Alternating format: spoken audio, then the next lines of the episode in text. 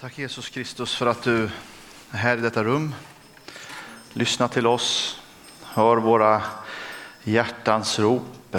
Du vet varifrån vi kommer. Du vet vad som döljer sig där inne hos så var och en. Jag tackar dig för att du är här och talar till oss uppmuntrar oss. Och jag tackar dig för att du är stormens överman. Hjälp oss att lita på det.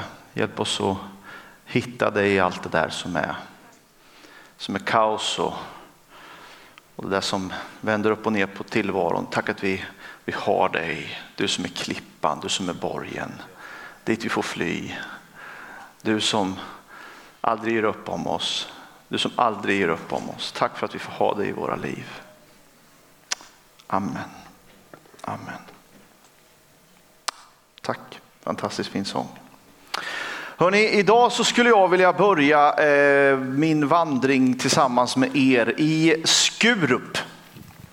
Eh, några av er kanske möjligtvis känner igen den här byggnaden. Eh, det finns en pastor eh, som idag jobbar i Lessebo som har fått Skurup på sitt hjärta. Eh, och han bjöd in oss till en bönevandring i Skurup. Eh, och då kom det till min kännedom att vi en gång i tiden har haft en utpost i Skurup. Och jag sa, jag måste få se den gamla pingstkyrkan i Skurup. Ja, visst. Så gick vi dit. Och så stod jag utanför den här kåken som nu är en ståtlig villa. En enfamiljshus, de fick många kvadratmeter. Och så kände jag en massa olika saker. Jag kände en glädje över historien. Det finns inte en enda frikyrka i Skurup idag. Det är en stor kommun. Eh, Svenska kyrkan har verksamhet där, men IFS har lagt ner sina kapell, eh, Frälsningsarmén har lagt ner sina kapell, sitt kapell och vi har stängt igen och sålt vårt hus till en privatperson som har fått sig en rejäl kåk. Jag vet att saker och ting kommer och går. Jag förstår att verksamheter föds och verksamheter dör och Herren gör nya saker. Jag förstår det, men jag kan inte undgå att drabbas av en sorg och ställa mig frågan, hur kommer det sig att det här huset inte myllrar av andligt liv längre? Ja, nu vet inte jag vad de har för sig där inne. Det är möjligt att det är någon fin kristen from familj som, som ber, vad vet jag. Men, men det finns liksom ingen verksamhet i församlingen längre. Vad är ett Guds hus egentligen? Det blir ju tydligt att det där är ju bara sten och glas och puts och murbruk. Och det, är liksom inte, det är inget liv där längre, så som en levande församling ska vara. Huset är viktigt. Men vad huset är fyllt av är ju än mer viktigare, eller hur? Det är det som avgör. Myllrar av liv, pulserar av kraft. Och vad är det som gör att det slutar? Varför måste vi sälja våra kapell? Mycket mer än det tänkte jag när jag stod där, men jag ska inte ta allt nu. Ha kvar den där minnesbilden och så går vi vidare. För om du ska förstå den här berättelsen som vi är inne i nu, berättelsen om Nehemja och Esra och berättelsen om ett skingrat folk som är tillbaks till, till Jerusalem för att bygga upp murarna, för att bygga upp templet, för att liksom återställa sin forna glans. Då måste du förstå vad landet betyder för Israel. För att vara Guds folk så måste man ha ett land. Alltså det var, det var så, när, när Gud kallade Israel så var det liksom att bli ett folk och att få en bit mark. Landet var så starkt förknippat med min identitet så utan landet var vi då ens Guds folk längre? När landet inte längre var vårt brydde sig Gud ens om oss? Gud, var är du?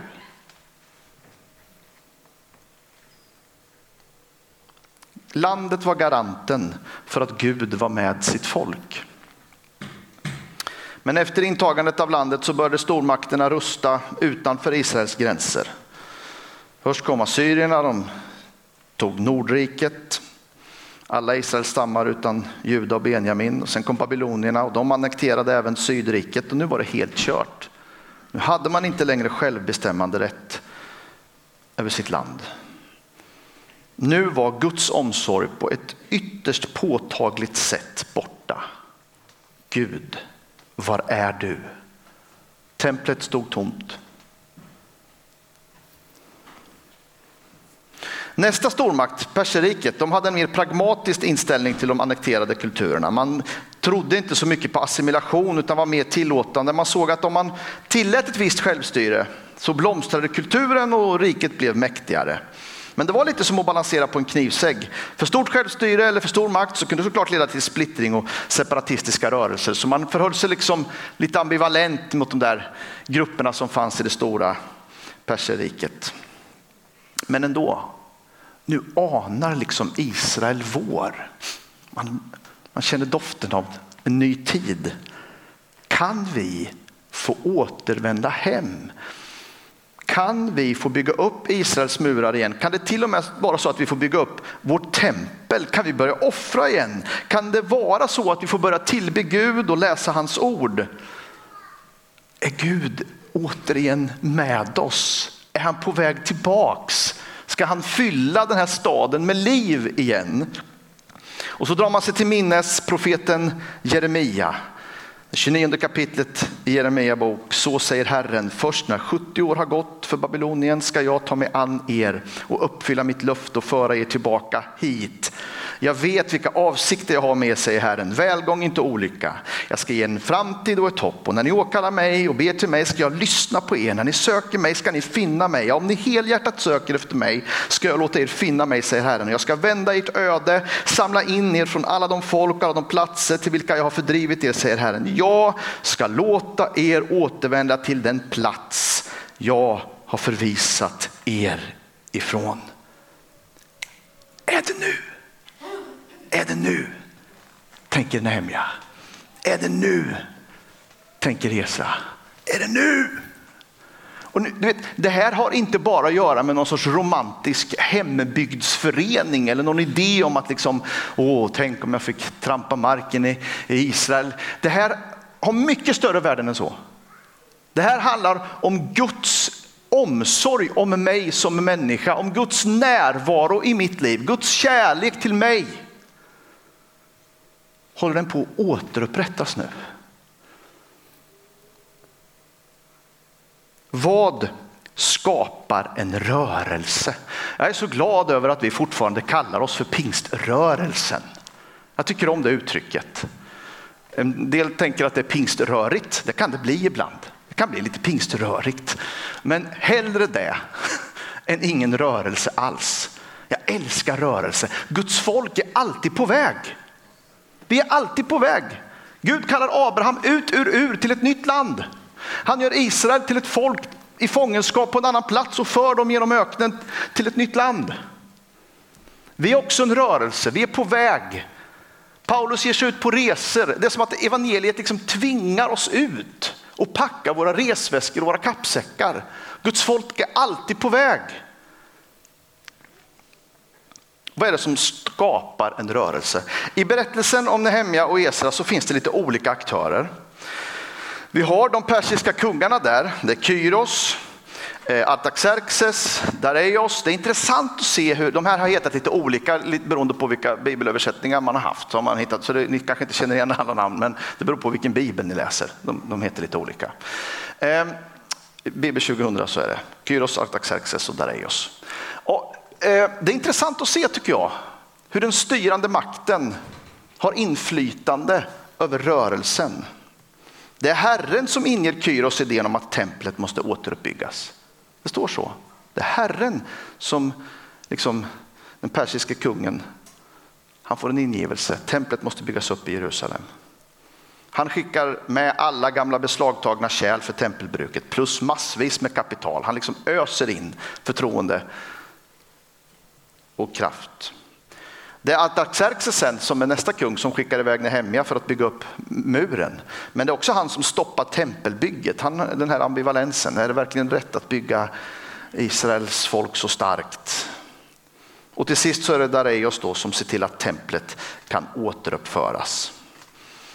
Så den styrande makten har såklart en, en roll över, i rörelsen, men det är också profeterna, de som talar Guds Guds ord in i folket. De som uppmuntrar, de som pushar, de som liksom kom igen nu. Eller tillrättavisar. Och i det här fallet så är det Sakarja och Haggai som är de verksamma profeterna i den här tiden. Eh, Sakarja liksom återvänt till Jerusalem och bygga upp staden. I Sakarja 1, versen 16-17 så står det så här, i barmhärtighet kommer jag åter till Jerusalem. Mitt hus ska byggas där, säger Herren Sebaot. Mätsnöret ska spännas i Jerusalem, ropa på nytt, så säger Herren Sebaot. Än en gång ska mina städer flöda över av det goda, än en gång ska Herren trösta Sion, än en gång utvälja Jerusalem. Man hör sin profet, man ser kungen, så börjar man ana en vår. Och så kommer Haggai. Eh, han är lite vassare, han är lite mer tillrättavisande. Men det är samma budskap, kom igen, bygg upp Guds hus, bygg upp Guds tempel, återvänd till Jerusalem. Så säger Herren Sebaot till Haggai 1, versen 2-9. Detta folk säger att tiden inte är inne att bygga upp Herrens hus.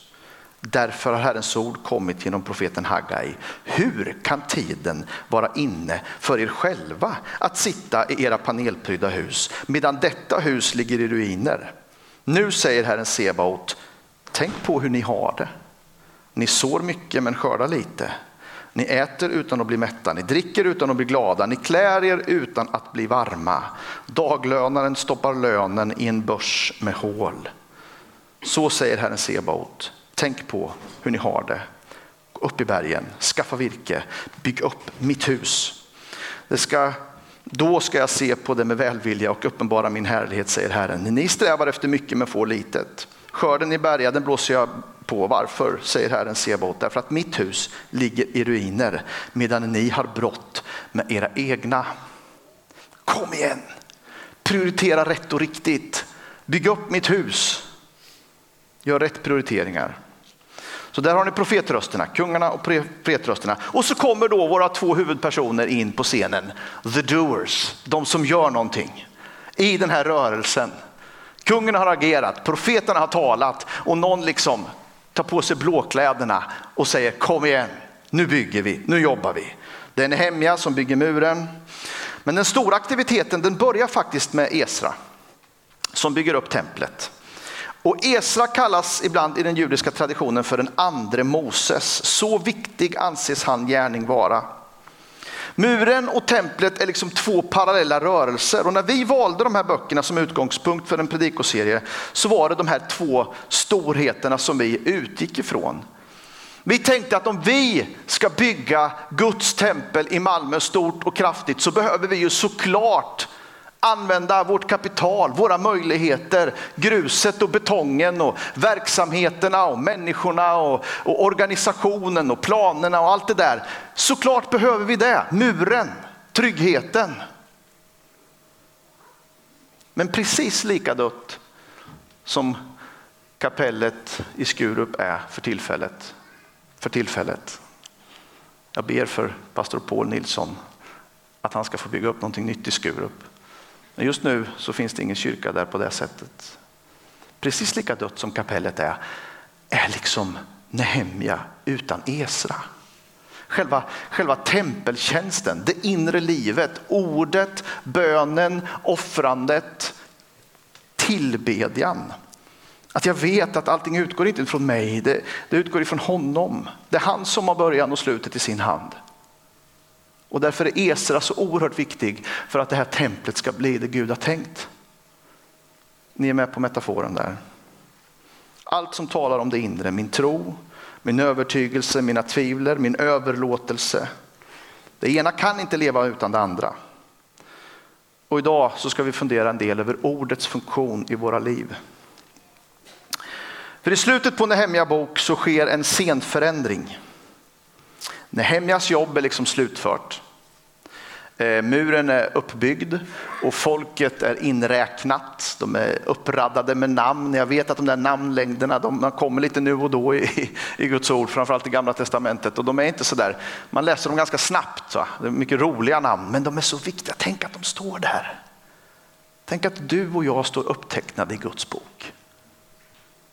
Han känner oss vid namn. Och nu är alla där.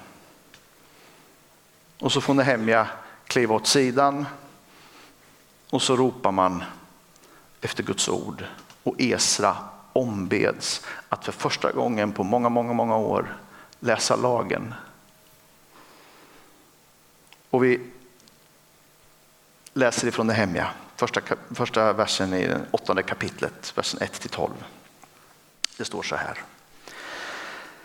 När den sjunde månaden var inne så bodde israeliterna var och en i sin stad.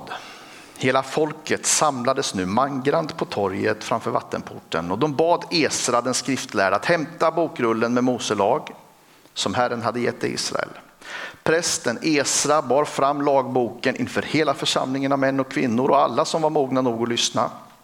Det var den första dagen i sjunde månaden. Och han läste ur lagen på torget framför vattenporten från tidigt på morgonen till mitt på dagen. Till er som tycker att vi predikar lite länge, jag läser det igen. Han läste från tidigt på morgonen till mitt på dagen.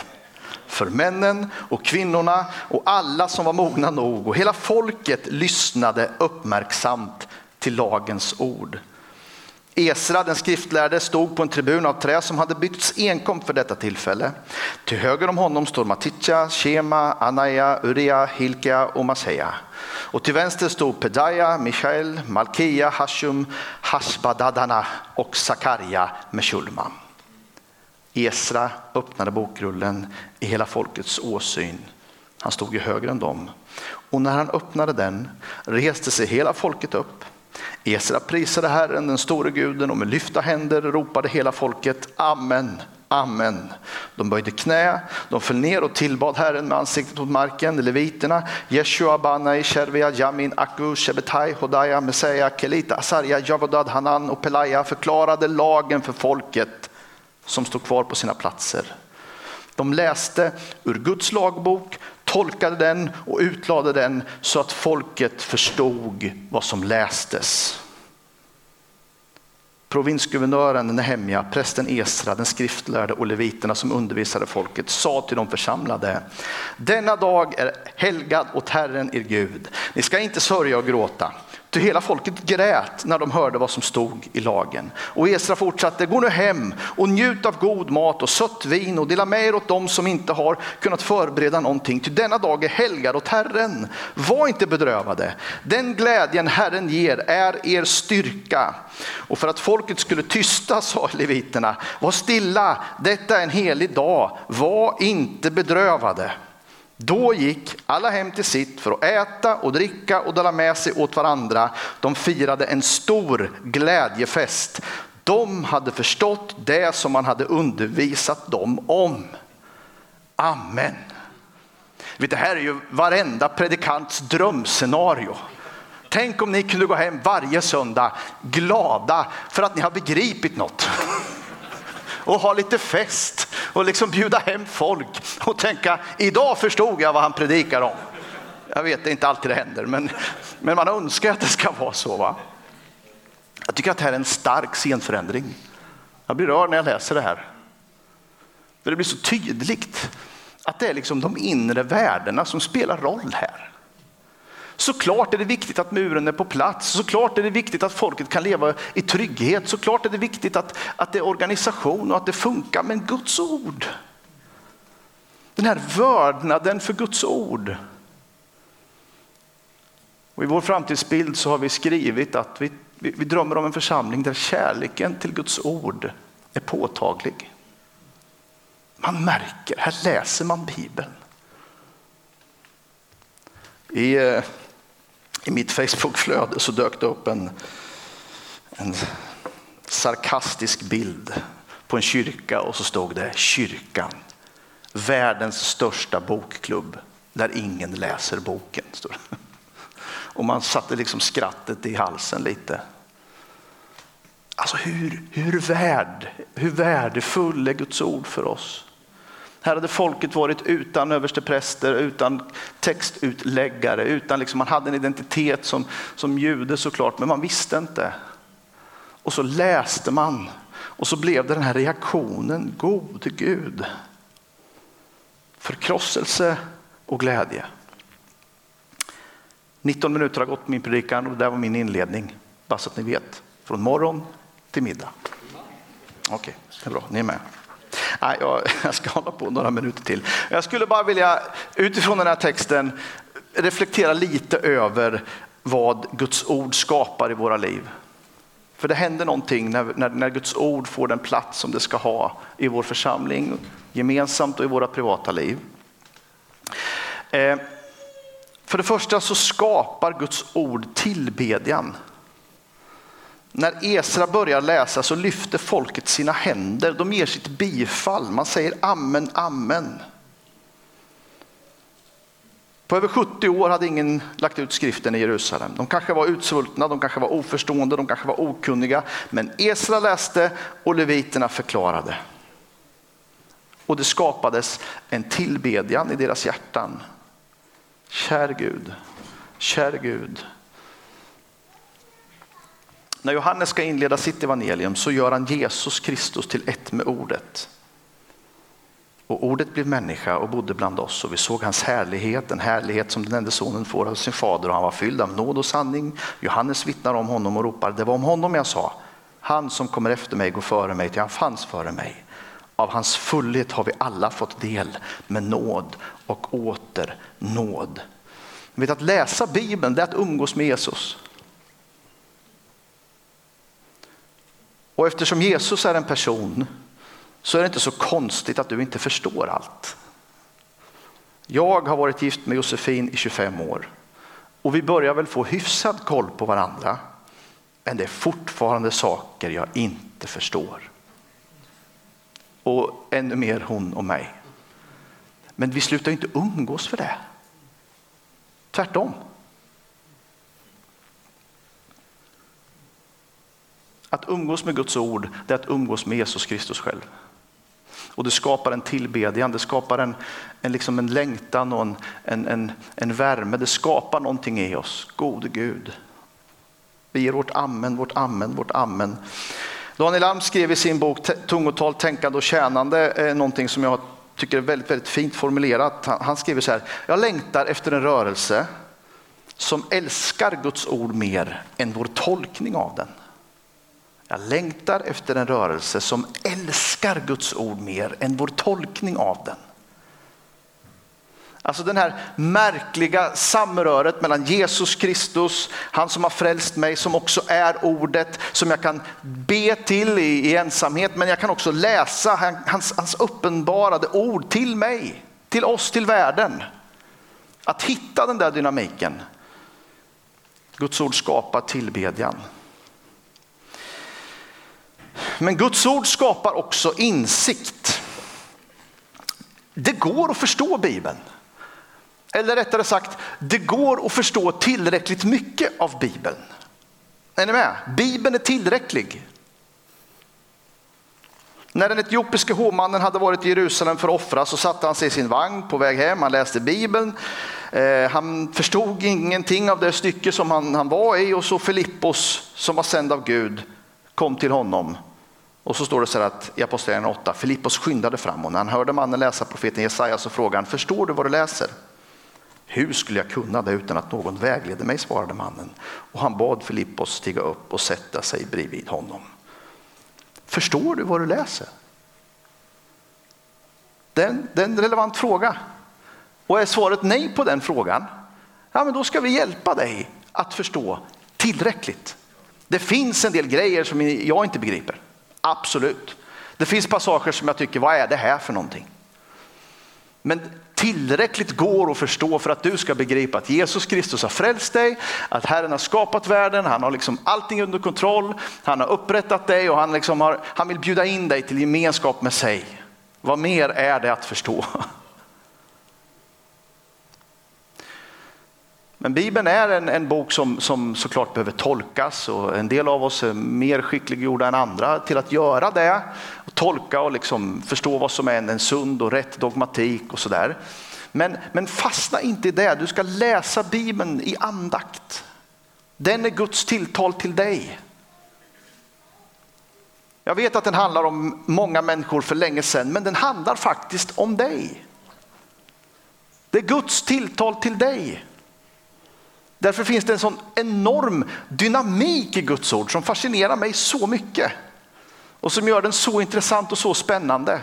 Och jag funderar ibland, nu har jag förkunnat i ja, 25 år ungefär. Och jag tänker ibland så här, när ska det ta slut? Tänker jag. Och ni kanske tycker så här, det har du gjort för länge sedan Andreas, bara så du vet. Okej, okay, då, får ni, då får ni berätta det för mig. Men, men för mig själv i alla fall, när jag sitter där ytterligare en söndag och öppnar Guds ord, så tar det inte slut. Det finns mer där. Och Herren talar när vi läser. Och jag har blivit fylld av tacksamhet och glädje och jag vill, jag vill liksom läsa mer. Läs med andra. Läs i andakt. Anden sprider ljus över ordet. Den helige ande, vad vill du säga till mig idag? Be den bönen när du läser Guds ord. Ta hjälp av bibelkommentarer, det finns supermycket online. Skaffa dig lite bibelsjälvkänsla, ha koll på historien, gör en kronologi. Det går att förstå. Men sen är det också så att när dina ögon faller på orden här så kommer du också förstå mer om dig själv. Och kanske så faller blicken på din egen synd eller din egen ofullkomlighet. I Esra bok så blir synden uppenbar för folket. När de läser Guds ord så börjar de gråta. De inser att de har vandrat fel vägar. De inser att de har vandrat liksom snett. Ehm. Och så kommer en här passage som jag inte begriper. Som jag tycker är väldigt besvärlig. För er som har följt med och läst Esra bok, ni vet att den slutar ju inte direkt i crescendo. Utan synden som Israel har begått, det är att man har gift sig med icke-judinnor. Man har liksom blandat upp sig med folken runt omkring och man har skaffat barn och bildat familj. Och så kliver Esra in och hans konklusion är att de här äktenskapen de måste lösas upp. Och sen så skickar man iväg kvinnor och barn, det är det sista som händer. Alla dessa, står det, en lista, apropå listor. Här finns en lista som inte är lika rolig att vara med i. Då, va? Det var de som hade gift sig med icke-judinnor. Och så står det, alla dessa hade äktat främmande kvinnor, men nu skickade de bort både hustrur och barn. Punkt. Där är boken slut. Och jag tänkte när jag läste det så här, vem kom på att vi skulle predika om det här? det, det var, hmm. Vilken Gud tycker att det är en bra lösning? Att lösa upp familjerna. Och jag ser framför mig alla ensamma kvinnor med barn som korsar gränsen mellan Ukraina och Polen eller Rumänien. Så tänker jag vilken obarmhärtig Gud. Men så kommer liksom en ögonöppnare för mig som får leva i det nya förbundet. Som är medveten om Jesu nåd. Så tänker jag, är det så djupt synden sitter? Är det så ont den gör? När Gud ser att du och jag inte förmår att gå de vägar som han vill att vi ska gå. Är det så djupt den sitter? Är det så ont det gör? Och så tänker jag, tack gode Gud för att jag inte behöver betala det priset längre. Jesus har tagit sin synd på mig, han har betalt, kors, han har betalt priset på korset. Den där enorma smärtan att liksom, det behövs inte. Jag är fri, jag är fri. Han har tagit sin synd på sig. När detta blir uppenbart för mig, när jag förstår det, så skapas det en enorm glädje. För det är det sista jag skulle vilja nämna någonting om. Bibeln har ett gott budskap. Evangeliet är det glada budskapet om Guds nåd och vår möjlighet att leva tillsammans med Gud som har skapat himmel och jord. Yes! Det är liksom goda nyheter det här. va? Då gick alla hem till sitt för att äta och dricka och dela med sig åt andra. De firade en stor glädjefest. De hade förstått det som man undervisade dem om. Gläd er alltid i Herren, säger Paulus i Filipperbrevet. En gång vill jag säga er, gläd er. Låt alla människor se hur fördragsamma ni är. Herren är nära, gör er inga bekymmer, utan när ni åkallar och ber, tackar och Gud och låt honom få veta alla era önskningar, så ska Guds frid, som är mera värd än allt vi tänker, ge era hjärtan och era tankar skydd i Kristus Jesus. Alltså glädjen i Guds hus, den är så viktig. Och jag tror att en, en fördjupad förståelse, när insikten har slagit mig, när jag förstår hur dyrt hans, hans, liksom, hans uppoffring var, hur, hur, hur, hur djup den var, då, Ah, tack gode Gud. Och är det någonting vår värld behöver nu så är det mer äkta glädje, äkta hopp. Inte ytligt, inte på något sätt liksom damma bekymren vi har under mattan. Vi behöver riktig genuin glädje. Jag ska göra en liten paus här. Därför att när grunden är lagd till det nya templet i Esra bok så blandas glädjen med klagan. Det står så här i det tredje kapitlet. Allt folket jublade högt och lovsjöng Herren för att grunden till Herrens hus var lagd. Många av prästerna och leviterna och familjeöverhuvudena som var så gamla att de hade sett det förra templet, de grät högljutt. Men många jublade och ropade ut sin glädje för full hals så att det inte gick att urskilja på gråten i det väldiga jublet. Folket jublade så högt att det hördes vida omkring.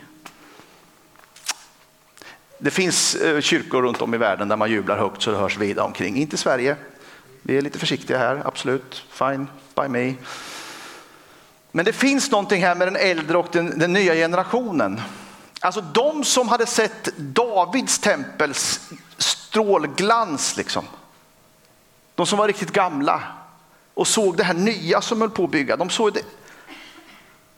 De grät, för de påminner om vad Herren hade gjort förr. Och så såg de det som Herren gjorde nu och det gick inte att jämföra. Men de som inte hade sett det där, de var ju glada för det här lilla. Och de jublade och skrek av glädje medan de äldre sörjde det som hade varit och gått förlorat. Och så där kan det vara. Och den som har sett mycket har ett ärende såklart. Men låt jublet stiga för det som är nu. Det kommer inte att bli som det var förr. När vi bygger kyrka så vi bygger kyrka för, för den här tiden, för det här sammanhanget. Det kanske inte var som det var på 40, 50, 60-talet, vad vet jag? Troligtvis inte, förhoppningsvis inte. Men gråt inte för mycket när du jämför, utan se vad Herren kan göra med det som är nu. Med de möjligheterna vi har i vår tid, i vårt sammanhang. Sen är vi såklart supertacksamma för erfarenhet och de som har levt i väckelse och vet vad det är och de som har bett och de som har gått före. Det är allt det där behöver vi. Men nu är vi här. Låt oss glädjas tillsammans. Amen, amen. Hörni, ska vi resa oss upp i kyrkan? Så skulle jag vilja avsluta med att återgå till profeten Haggai om varför vi måste återuppbygga templet inom oss. Varför vi måste fylla det här huset med liv, med bön, med gudstjänst, med bibelläsning. Tänk på hur ni har det, säger Haggai. Ni sår mycket men skördar lite. Ni äter utan att bli mätta. Ni dricker utan att bli glada. Ni klär er utan att bli varma. Daglönaren stoppar lönen i en börs med hål. Du, egen strävan ger sällan betalt. Mat och dryck och kläder, allt det där viktiga, det liksom hjälper inte vår inre människa. Pengarna hamnar i en börs med hål, det känner vi ju igen. Allt det där yttre som vi behöver, det tillfredsställer ändå inte livets alla innersta behov. Vi behöver en tro, vi behöver klamra fast vid vår frälsning. Endast där har vi vår glädje, vår djupaste glädje. Och det är väldigt många människor i Europa som upplever att allting tas ifrån dem nu. Allting, allting tas ifrån dem. Och var har man då sin rot? Var har man sitt hopp? Var har man sin glädje? Herre, Tack att du hör vår bön. Tack att du hör vår, vårt rop om hjälp. Tack att du hör vår vädjan. Herre, kom till vår räddning. Herre, jag ber att du ska fylla det här huset med ett myller av liv, Herre. Jag ber att vi ska få fira dopförrättning vecka ut och vecka in, Herre Jesus Kristus. Jag ber att vi ska få ha stora alfakurser där människor får tag om dig, där man får begripa att du har frälst, att du har räddat, att du har ställt våra fötter på en fast klippa, Herre Jesus. Tack att vi ska få se nya människor komma till tro, Fader i himmelen. Jag tackar dig för det, Herre. Jag ber att vi ska få eh, fylla huset med, med myller, Herre Jesus Kristus. Du vet att vi, vi längtar efter att få bygga om våra lokaler, att få göra dem ändamålsenliga, Herre. Men endast du kan fylla huset med verkligt liv. Jesus Kristus, och vi ropar till dig. Vi ber att kärleken till ditt ord ska bli stor i våra liv, Herre. Skapa en hunger efter att läsa, efter att förstå, efter att se och hoppas, Herre. Jesus Kristus, vi kommer till dig nu, Fader. I Jesu namn, i Jesu namn. Amen. Amen.